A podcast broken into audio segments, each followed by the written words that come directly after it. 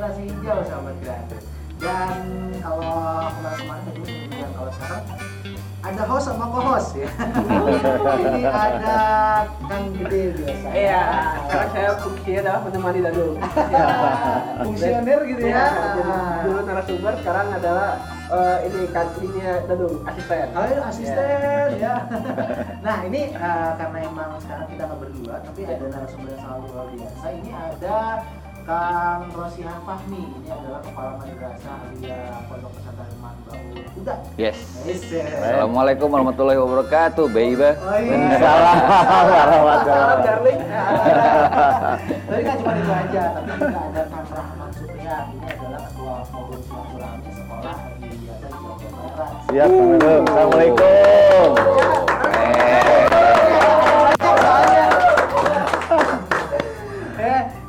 Uh, kita ngebahas sama literasi lingkungan ya, bener ya? Yap, Ya. siap. Nah, ini Jadul sih pengen nanya dulu deh ke Kang Rahmat. Siap. Kang Rahmat ya. Ini Kang Rahmat ada suaranya nggak sih? Halo, halo. Cek, cek, ada. Oh, coba, coba, coba, coba, coba. Cek. cek. Nah, ya. Oke, ini uh, kan Kang Rahmat ini sebagai ketua forum silaturahmi sekolah di Kota Jawa Barat ya. Terus juga sama aktivis penggiat lingkungan Jawa Barat. Iya, begitu. Nah ini biasanya kegiatannya apa aja Kang? Kalau misalkan untuk si penggiat lingkungan Jawa Barat ini? Ya, sebetulnya kita kalau di forum itu terkoneksi dengan banyak sekolah, Kang. Hmm. Jadi banyak sekolah yang emang eh, labelingnya itu sekolah adiwiyata. Yes. Jadi sekolah peduli dan berbudaya lingkungan. Jadi tingkatnya di Jawa Barat. Kita punya jaringan insya Allah se-Jawa Barat. Gitu. Oh gitu. Ya, jadi kalau bicara tentang sekolah adiwiyata, artinya sekolah yang betul-betul konsep penanaman nilai-nilai peduli lingkungannya hadir di sana lah. Sudah sudah tidak perlu dipertanyakan tentang peduliannya aja lah. Jadi mereka sudah emang platformnya seperti itu. Siap. Oke. Nih kalau sebenarnya secara tidak langsung buat sobat kreatif yang sering gitu eh buat kamu sobat kreatif yang sering dengar-dengar kajian, aduh ini Kang Rosihan Pami ini udah ibaratnya udah paling kenal didengar lah gitu kayak Keren, karena dulu, dulu juga awalnya sih dulu kayak eh, gimana tapi kok kayak pernah ketemu gitu sama Kang Pami ya Ini menyirami rohaninya tapi rock and roll. Oh.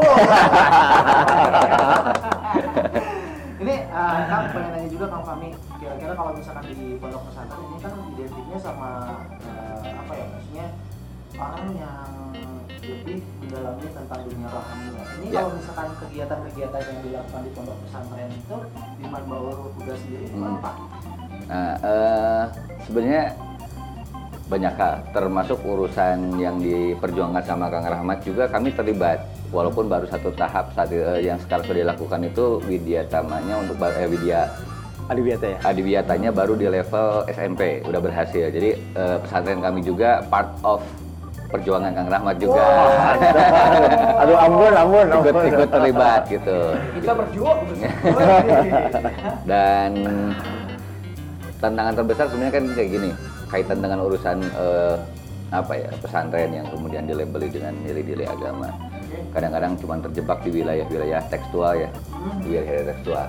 Nah justru tantangan hari ini adalah justru lebih kepada bagaimana bisa kontekstual dengan situasi hari ini, termasuk dengan Kupikir urusan lingkungan bukan udah bukan urusan wacana lagi, itu harus sudah tindakan kan ya, sudah tindakan, terus tindakan. Makanya kemudian eh, kami juga ada beberapa sejumlah kebijakan-kebijakan yang eh, pro terhadap eh, terhadap terhadap eh, masalah lingkungan. Misalkan dari hal yang paling fundamental yang sederhana aja, misalkan eh, misalkan kayak kayak septic tank. Oke, ah. Rata rata septic tank di perkampungan. Kan aku kan orang kampung kan ceritanya. Itu, itu kan itu kan biasanya septic tank itu septic tank tradisional kan ya. Tradisional itu dalam artian ada dua jenis biasanya. Ada yang langsung keluar langsung ke selokan ada yang memang ditampung dulu gitu kan tapi benar-benar cuma nampung doang gitu ya Oh iya. konsepnya hampir sama kayak sumur resapan lah ya kalau septic tank biasa. Nah sekarang yang sudah kami gunakan adalah bio septic tank. Jadi ketika masuk ke sana itu keluar tuh udah jadi pupuk. Kita udah mempraktekkan nilai-nilai itu, udah pakai itu. Itu hal yang mendasar gitu loh, yang mendasar. Walaupun memang pasti tantangannya urusan biaya. Relatif memang jauh dua kali lipat lebih mahal dengan septic tank eh, tradisional kayak gitu ya. Tapi kupikir ini penting, ini sebagai salah satu support kecil atas nama pesantren bahwa pesantren tidak hanya sekadar ngomongin kitab kuning doang, nggak hanya kebar teks, tapi how to-nya seperti apa, semacam itu misalkan. Kemudian kayak eh, semacam baik to school, kita bikin baik to madrasah, namanya Bima Society. Baik to madrasah, Itu jadi gimana? Mas? Iya pakai sepeda, anak-anak santrinya gitu. Ini sama gede juga, gitu. Barang-barang dulu sama. gitu ya. Aja sepeda saya sepeda saya pakai mobil. Nah semacam itu tetap dilakukan. Terus kayak misalkan, nah kayak penggunaan ini tumbler misalkan. Kita udah satu tahun ini sosialisasi, satu satu tahun sosialisasi, udah sosialisasi bukan sekadar sosialisasi, eh, kita sampai mempraktekkan setiap kelas kita sediain eh, galonnya. Jadi anak-anak tinggal refill, tinggal refill, refill aja gitu. Nah insya Allah tahun ajaran baru sekarang posisinya kami wajibkan posisinya. Sudah tidak lagi hare-hare lagi. Kalau kemarin-kemarin karena posisi yang masih sosialisasi, hare-hare aja dulu. Yang penting ingetin, ingetin, ayo pakai tumbler, pakai tumbler, pakai tumbler, cuma gitu doang. Kalau sekarang Kalau tahun ajaran sekarang, kuat jack gitu Oh, kan. ya karena kan kita, bisa hitung sendiri itu misalkan kalau kita beli eh, air kemasan misalkan satu hari habis misalkan anggap 600 mili ya 600 mili anggap satu hari habis habis tiga botol Nah, artinya kita nge, nge, nge, nge- apa ngasih sampah ke dunia satu hari itu satu tiga botol plastik. Satu hari kali 30 Iya. belum yang air cupnya. Ya kan? Berapa banyak? Mending kalau kita oke silakan pakai itu tapi kita sudah punya preventifnya misalkan. Kita punya teknologi untuk nge-recycle dan seterusnya. Gitu kan? Atau kita kerjasama misalkan sudah ada kerjasama dengan pihak pemulungnya misalkan atau apa. Eh, eh, eh, tapi kan kadang-kadang khawatirnya itu menjadi kebiasaan. Kapan pun dan di mana pun akhirnya pakai yang air yang dalam cup itu dan seterusnya tidak yang pakai isi ulang Iya. akhirnya tidak terkendali jadi intinya di pesantren itu pada akhirnya yang tengah kita usahakan yang aku bilang tadi bukan sekedar bermain pada teks tapi bagaimana dalam prakteknya itu benar-benar kita tegakkan Ya, ini menarik dong. Kan kalau misalkan pesantren sendiri kan bisa dibilang sebuah alternatif pendidikan Hmm. untuk eh, pendidikan formal yang kita miliki sekarang kan. Sebenarnya. Karena kan ada banyak penekanan-penekanan yang mungkin Hmm. eh, penekanan yang berbeda dan segala macam walaupun juga apa yang diajarkan di pendidikan formal juga akan diajarkan juga di pesantren Hmm. kurang lebihnya gitu Ya, segala betul. macam. Tapi kan secara apa secara kurikulum atau secara pengajaran kan sebenarnya itu bisa dibilang sangat otonomi ya maksudnya Hmm. Ya, pesantren oke, ada. bisa punya segala macam. Nah kalau misalkan untuk pendidikan formal sendiri nih, Pak Rahmat, Ya. eh, kan kalau Pak Rahmat sendiri kan seorang pengajar ya di SMP berapa sekarang Pak Rahmat? Sampai 55 Eh, sekarang. SMP lima lima sekarang ya. Betul, ya. Nah, kalau misalkan eh, kalau misalkan menurut Pak Rahmat sendiri nih, kalau misalkan di pendidikan formal sendiri itu tentang literasi lingkungan atau pemahaman soal lingkungan itu ada di prioritas mana sih sekarang kayak gitu? Ya jujur saja sebetulnya itu kalau kita mau menempatkan semua guru bahwa orientasi pendidikan lingkungan itu, lingkungan itu idealnya harusnya berada di eh, garda paling depan Yes. sebetulnya karena kita juga apa pun bersama. ya apa pun pendidikan yang disampaikan eh, oleh guru di sekolah masing-masing itu kan sebetulnya orientasinya bagaimana menghadirkan kita menjadi sos- sosok yang bermakna bagi alam dan sekitarnya apa pun betul. pelajaran apa pun matematika Ya. apa pun pokoknya orientasinya nantinya Sana. kepada lingkungan juga sebetulnya cuman yang jadi masalah eh, itu kembali kepada guru masing-masing Kang Gede Ah, kembali ke kembali saya sebetulnya eh, setelah dengar Kang Lusian eh, Kang Lusian bilang begini saya merindukan kepala sekolah semuanya seperti begini sebetulnya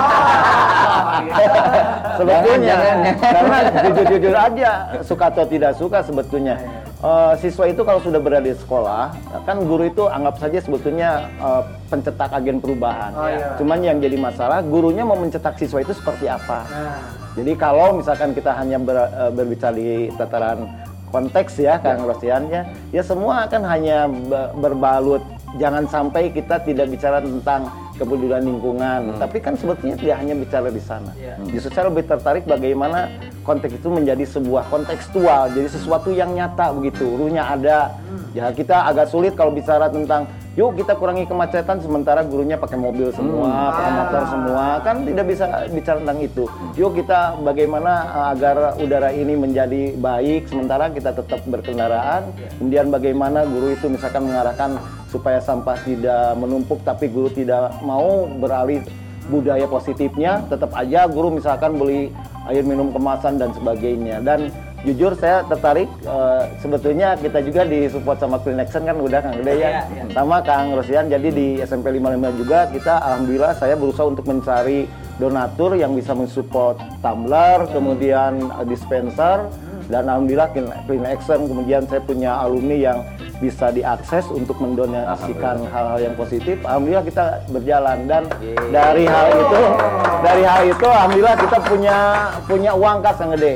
Jadi punya uang kas dan uang kas itu dikelola oleh siswa. Jadi saya tidak terlibat untuk itu melatih kedewasaan anak untuk berorganisasi, memanajemen gitu. Jadi uang kas itu di di manajemen, dikelola. Kemarin dibelikan eh, apa alat untuk membersihkan karat dan nanti itu dijual. Jadi uang itu terus bertambah. Ah, Jadi tergantung kita sebetulnya. Jadi guru itu Pengolahnya. berada di garda paling depan untuk menghadirkan generasi yang betul-betul peduli terhadap lingkungan. pulang, pulang dari sini berarti Kang Fahmi itu ada PR. PR-nya apa? Nama ilmu gimana cara membelah diri. Oh ya. Jadi eh,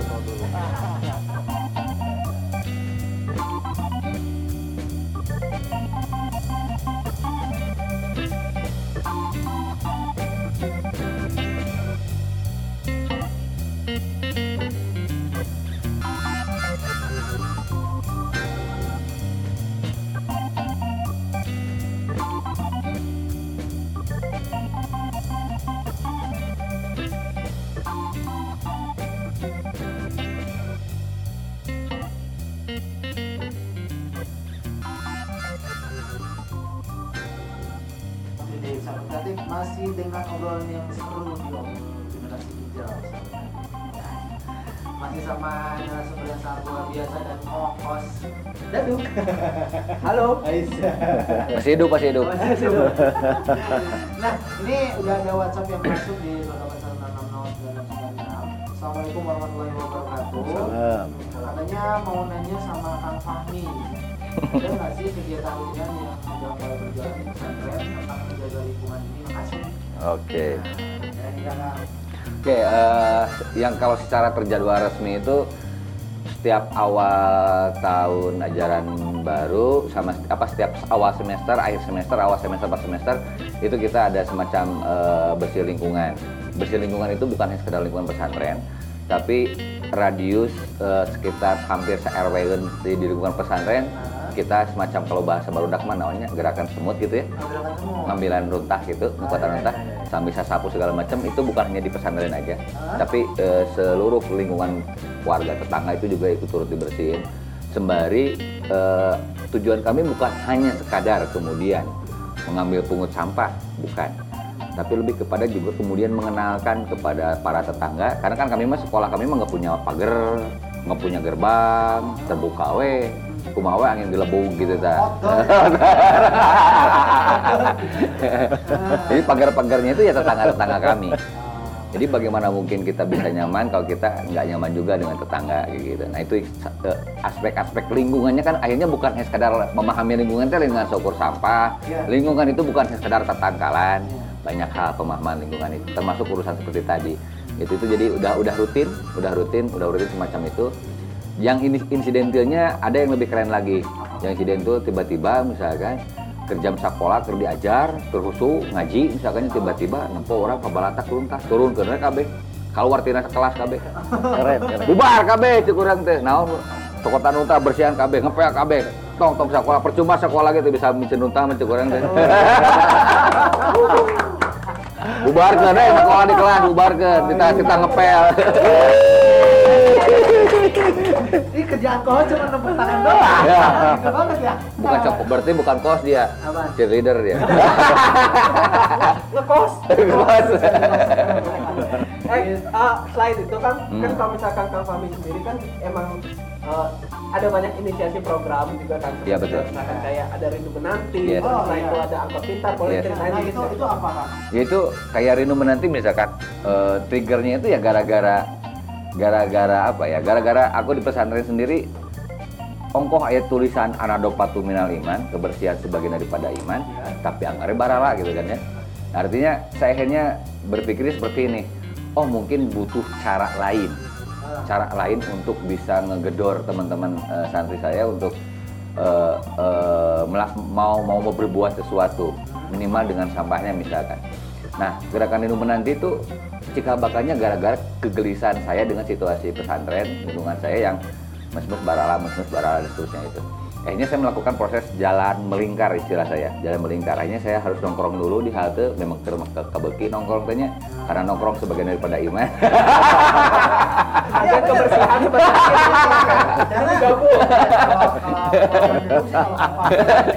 bisa bersilaturahmi dengan yang lain. Yes, gitu. akhirnya saya akhirnya saya nongkrong di halte dan ternyata situasi halte saya tuh sebelum gong ke Rinu Menan itu hampir tiga bulannya riset gitu, ya. riset asik-asik riset lah gitu. Makanya kan Rinu Menan itu namanya gerakan radikal santai. Oh, dan nongkrongnya gawe Nah, salah satu kegiatan di Rinu Menan itu di antaranya itu kebersihan halte gitu. Gara-gara setelah saya keliling-keliling sekitar hampir tiga bulan lamanya itu situasi halte teh aduh lebar pisan itu kan duit negara oge gitu kan biaya maintenance na padahal ayah nu orangnya ho tapi kan ah gitu ih ke mana negara ayah kene halo assalamualaikum negara ayah kene gitu kan. Mana negara negara? negara ayah kene itu gitu yang lah bae mumpung keur sibuk meureun negara lagi beli lagi liburan ya udah aku bersihin gitu kan ya saat itu aku bawa alumni santri eh, eh, alumni santri saya berdua Nadia sama Hajuka bareng-bareng bersihin halte gitu.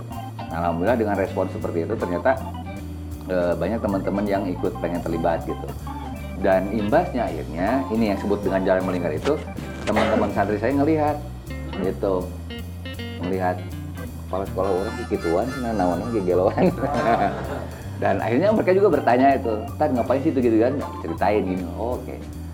Tapi ya itu baru baru trigger doang gitu walaupun beberapa sudah ada yang tahu teman-teman santri paham ke mana maksud tujuan aku ngapain gigi gituan gitu nya ente gituan gigi gituan tetap dan itu pun eh, apa itu hanya salah satu ikhtiar kecil aja sih sebenarnya ikhtiar kecil. Termasuk dengan angkot pintar.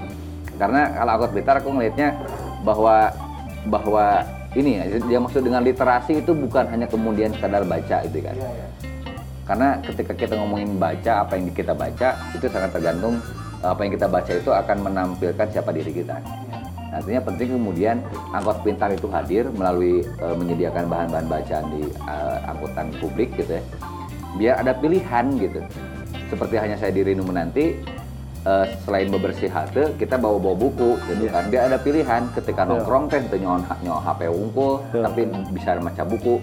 Syukur-syukur baterainya beak kan kalau kalap tanya kalap langsung sakau neangan naon deui naon deui naon deui nya aya buku baca buku kan gitu kan.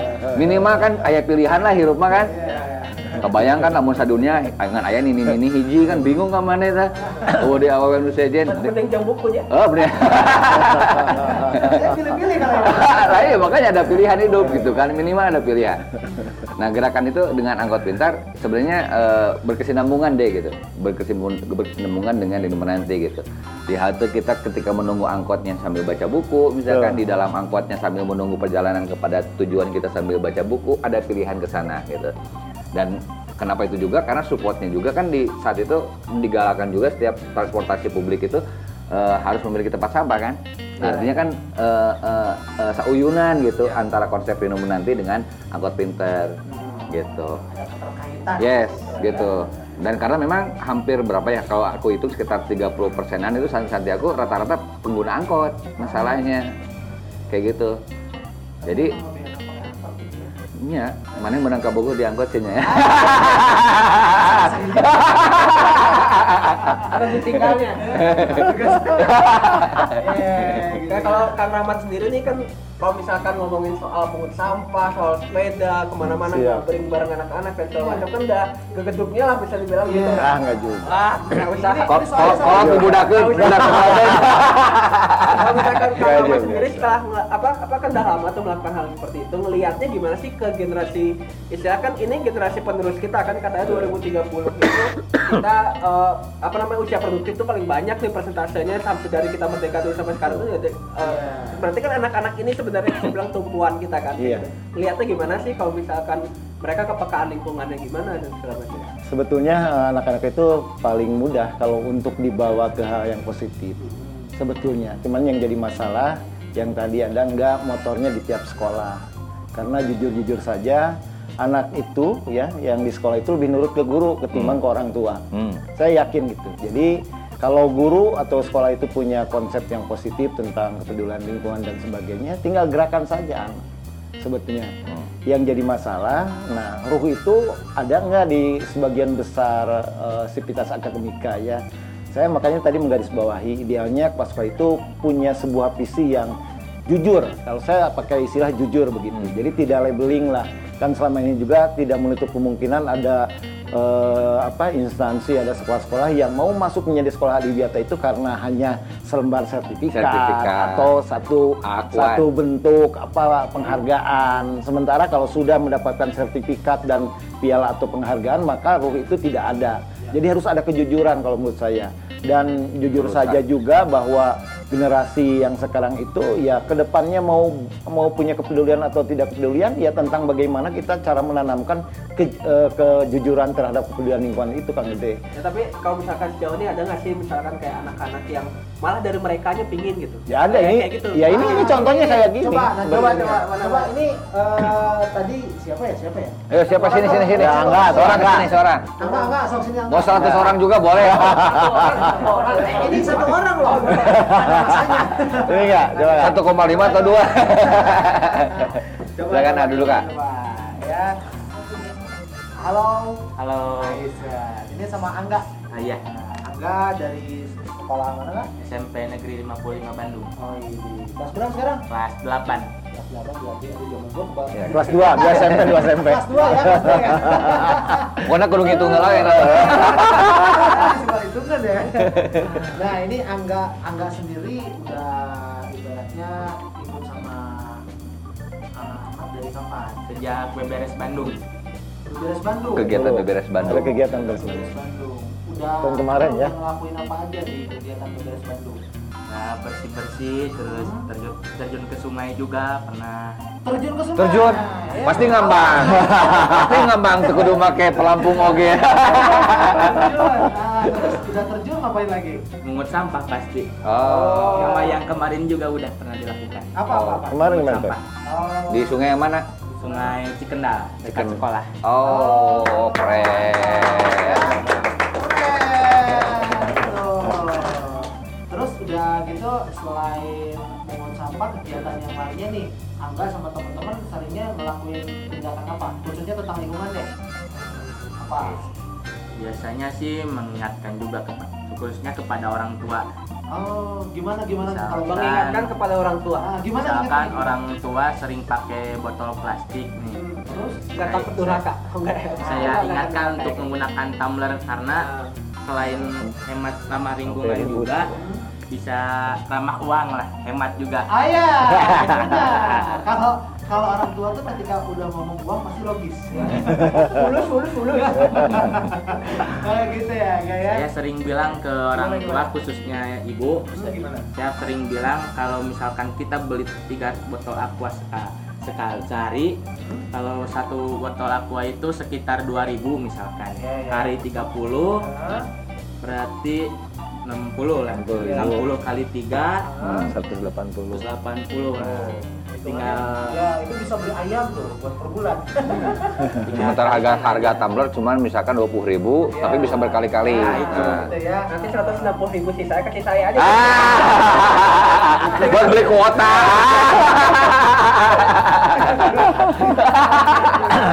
Oh, iya. Keren, keren, keren. Berarti, berarti, memang generasi sekarang tuh memang dari keinginan sendiri tuh udah ada eh, ini ya Pak ya, apa namanya? Udah ada eh, terhadap lingkungan teh udah nyaah lah bisa dibilang kayak gitu. Sebetulnya sudah sudah ada da- dan itu tugas dan tanggung jawab kita ya Kang Pami ya. Bagaimana kita penetrasi agar mindset itu eh, sesuai dengan apa yang kita pikirkan. Tapi ya jujur-jujur saja kalau misalkan emang mindset kitanya juga Hmm. standar ya anak juga pasti menjadi standar lah mindsetnya juga. Iya. Ini kalau sampai ya mohon maaf agak sedikit eh, ribut sama orang tuanya karena berbeda sebuah Iya, berbeda prinsip gitu. Ini prinsipnya sampai ke arah ke depan, tapi orang tua yang penting ya kita ingin praktis beli air minum dalam kemasan gitu. Tapi ya pada akhirnya orang tua Lulus tadi juga ya. alhamdulillah Iya, bisa gitu orang tuanya akan mengerti karena Iya. anaknya itu berpikirnya tentang hitungan proses ke depannya. Iya. Iya, betul. Dan saya mohon maaf Kang Dudung memang ber- berusaha untuk mengajarkan anak-anak Iya. di mana pun bahwa dunia itu harus hadir begitu. Contohnya kemarin kayak kemarin kan ada kegiatan Beberes Bandung juga ya, Iya, iya. 35 ribu orang gitu banyak bahkan sampai para gober dari tingkat eh, kelurahan itu dibawa ke pusat kota sementara di daerah sendiri kemarin saya nih ya pebalatak ya saudara dia. Makanya sa- saya sebetulnya kemarin menjadi sebuah apa ya eh, potret yang terbalik begitu. Kalau orang beberes Bandungnya di pusat kota, saya justru di sungai begitu. Di sebuah tempat yang masalah juga ada begitu. Iya. Jadi ya, jangan sampai rumah tetangga dibersihin sementara rumah kita masih kotor Iya. begitu. Itu sebetulnya. Jadi di- apa bersihkanlah di tempat-tempat sekitar. Iya. Sebelum keluar gitu ya. Hmm. nah, kalau misalkan buat Kang nih karena emang eh, ketertarikan dengan isu lingkungan ini dimulai sejak kapan dan kenapa bisa tertarik di isu lingkungan ini? Kang Fakdi? Nah, apa ya? Ya sih, eh, apa ya? Ah, mungkin gara-gara kelamaan, kelamaan, kelamaan, namanya kelamaan ngaji, mungkin ngaji dalam artian, eh, ya, ada istilah kayak intellectual exercise gitu ya dalam dalam itu. Jadi kan, ayo we ngabudak we ngomong we unggul misalkannya, ayo prak-prakan mana gitu kan. Nah kadang-kadang ya teori itu menjadi sangat tidak berarti apabila ditegakkan gitu nilai-nilai teori itu gitu. Jadi orang bisa banyak berteori tapi bisa hanya kalah hanya dengan satu fakta gitu loh.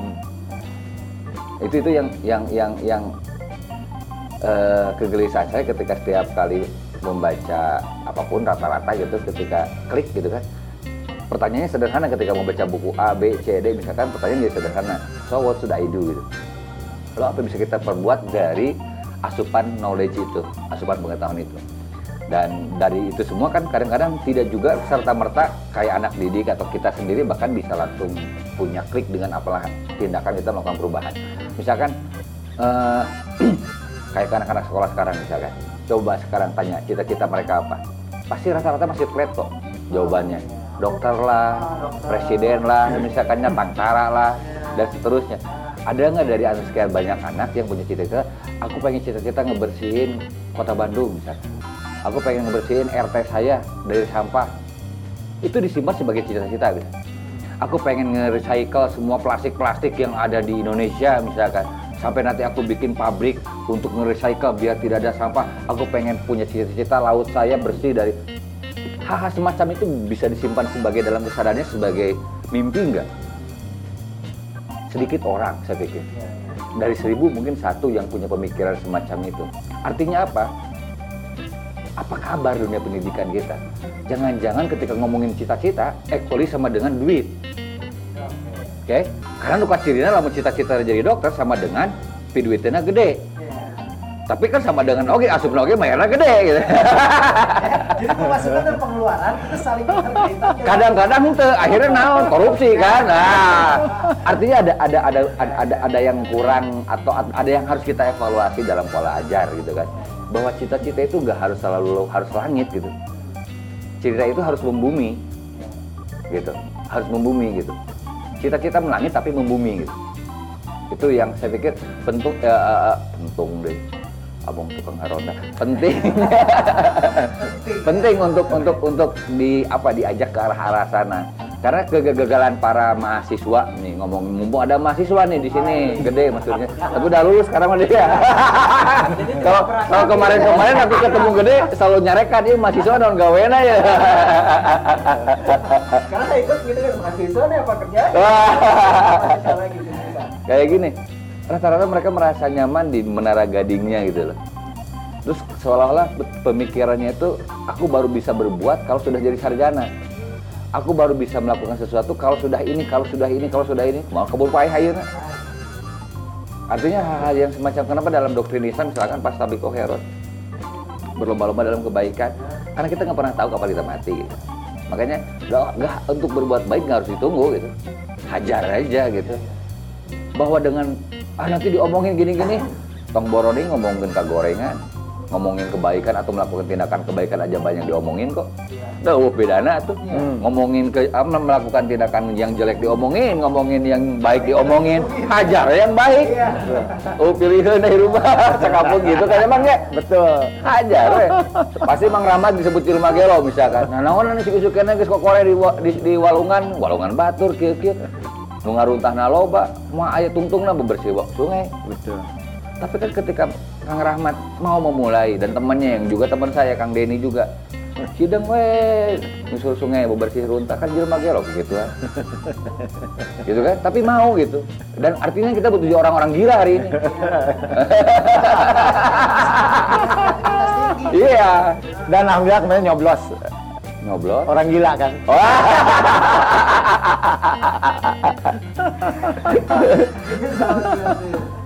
kalau misalkan ke Kang Rahmat Siap. selain memang sehari-hari yang berfungsi posisinya tentang guru Betul. juga ya dan juga kegiatan lingkungan ini Kang Rahmat sendiri melakukan terkait lingkungan atau kegiatan lainnya Iya. lingkungan Ya, sebetulnya kegiatan yang saya lakukan eh, alhamdulillah cukup banyak lah. Kenapa saya berusaha untuk eh, ikut eh, aktif di berbagai macam komunitas karena eh, lingkungan ini kan milik bersama.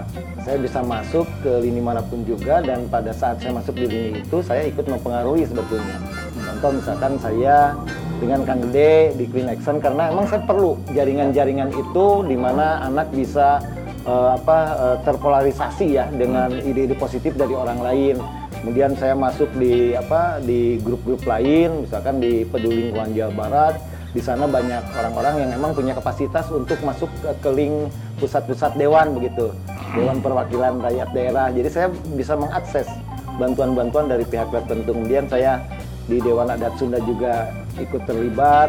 Nah, pokoknya yang penting di mana saya berada, artinya saya bisa eh, meng- apa istilahnya mempolarisasi ide dan gagasan saya di mata orang-orang lain karena pada kenyataannya kan jujur saja eh, budaya bangsa kita itu sudah terlalu sangat eh, mengkhawatirkan kalau bicara tentang kepedulian lingkungan begitu.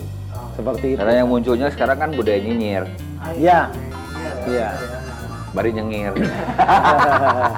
lebih lebih mudah berkomentar kan Iya. daripada minta menjadi solusi. hal yang rada personal sedikit. Siap. Eh, kan tadi kan dari Kang Fahmi juga kan bilang nih apa mungkin aja ada orang yang melihat ke sosok apa yang dilakukan sama eh, Kang Rahmat, Kang Fahmi gitu dan segala macam itu kayak ini ngapain sih ngelakuin kayak gini gitu. Ini orang gila apa ya? Gini? Kang Fahmi. Karena kita lagi butuh orang gila ya Eh, kalau misalkan Kang Rahmat sendiri happy nggak sih ngejalanin gitu gimana cara supaya stay happy gitu buat Iya, kayak gitu. kan gini. Yang pertama bahwa apa pun yang kita lakukan semata-mata itu orientasinya untuk kebaikan saja. Orang suka atau tidak suka, orang punya pandangan negatif atau positif tadi udah clear ya Kang Fahmi ya. yap. Migawe hade tetap diomongkan, hade, em, milaku kagorengan tetap diomongkan ya udah nu hade lah begitu. Dan eh, yang lainnya begini, eh, pada suatu waktu bahwa orang baik itu emang pada eh, akan sedikit. Bumi ini rusak karena orang yang baiknya itu sedikit. Jujur jujur aja, bukan mereka tidak mengetahui tentang kerusakan alam ini, bukan mereka tidak mengetahui tentang akibat yang dilakukan terhadap eh, sebuah kegiatan. Mereka tahu Kang Gede, tetapi pada kenyataannya karena ruh, ruh positifnya itu tidak ada, bahwa nilai-nilai kepeduliannya itu tidak muncul dan kalah bersaing dengan nilai-nilai yang lain, pada akhirnya ya seperti ini. Dan pada kondisi kenyataannya hadirnya emang seperti itu. Jadi kalau untuk saya, saya selalu menikmati apa yang saya lakukan. Di rumah bahkan udah udah tahu lah kalau saya pergi bahkan anak saya istri saya saya bawa dan ikut terlibat dari kegiatan yang saya lakukan begitu. Ya, jadi kita juga sudah dimaklumi di rumah. Jadi kalau saya turun ke sungai kemudian mengut sampah hasil orang lain ya udah udah dipasrahkan lah. Dan emang nges gitu sama kelakuannya gitu. ya biarin biarin aja nggak deh. Paling tidak mudah-mudahan kita bisa mewarnai pola pikir mereka. Aduh saya malu nih, saya buang sampah orang lain yang mengutnya. Kalaupun tidak terpengaruh nggak apa-apa, kan proses hadirnya budaya itu tidak instan kan. Sangat lama begitu. Ya. ya kalau kita tidak berbuat, kalau tidak ada orang gilanya anggap aja. Terus siapa yang akan Memulai. membuat me- menjadi warna bagi orang lain begitu. Jadi dinikmati dan saya menikmati dan ini insya Allah mudah-mudahan istiqomah lah. Kita Amin. tidak akan berhenti sampai sini. Yes. Terus begitu. oh Mantap. Mangprang. Pangprang bener. Mangprang biar cair era. ini nih satu nih yang belum terlalu tahu kang Fahmi kayak gimana dan segala macam Ah. ya alhamdulillah tahu sih ya karena Iya, karena banyak yang milenial pasti tahu. Harusnya tahu. Tapi ada salah satu hal yang menarik dari Kang Fahmi ini adalah beliau ini sangat eh, sangat suka selain suka baca dan segala macam dan beliau suka puisi juga nih segala macam. Ada Hmm. Eh, apa ya entah itu puisi, prosa atau misalkan apa dan segala macam terkait lingkungan yang buat Kang Fahmi apa entah itu inspirasi atau keinget sampai sekarang terus segala macam yang yang bisa jadi apa ya favoritnya Kang Fahmi atau ada ada nggak sih?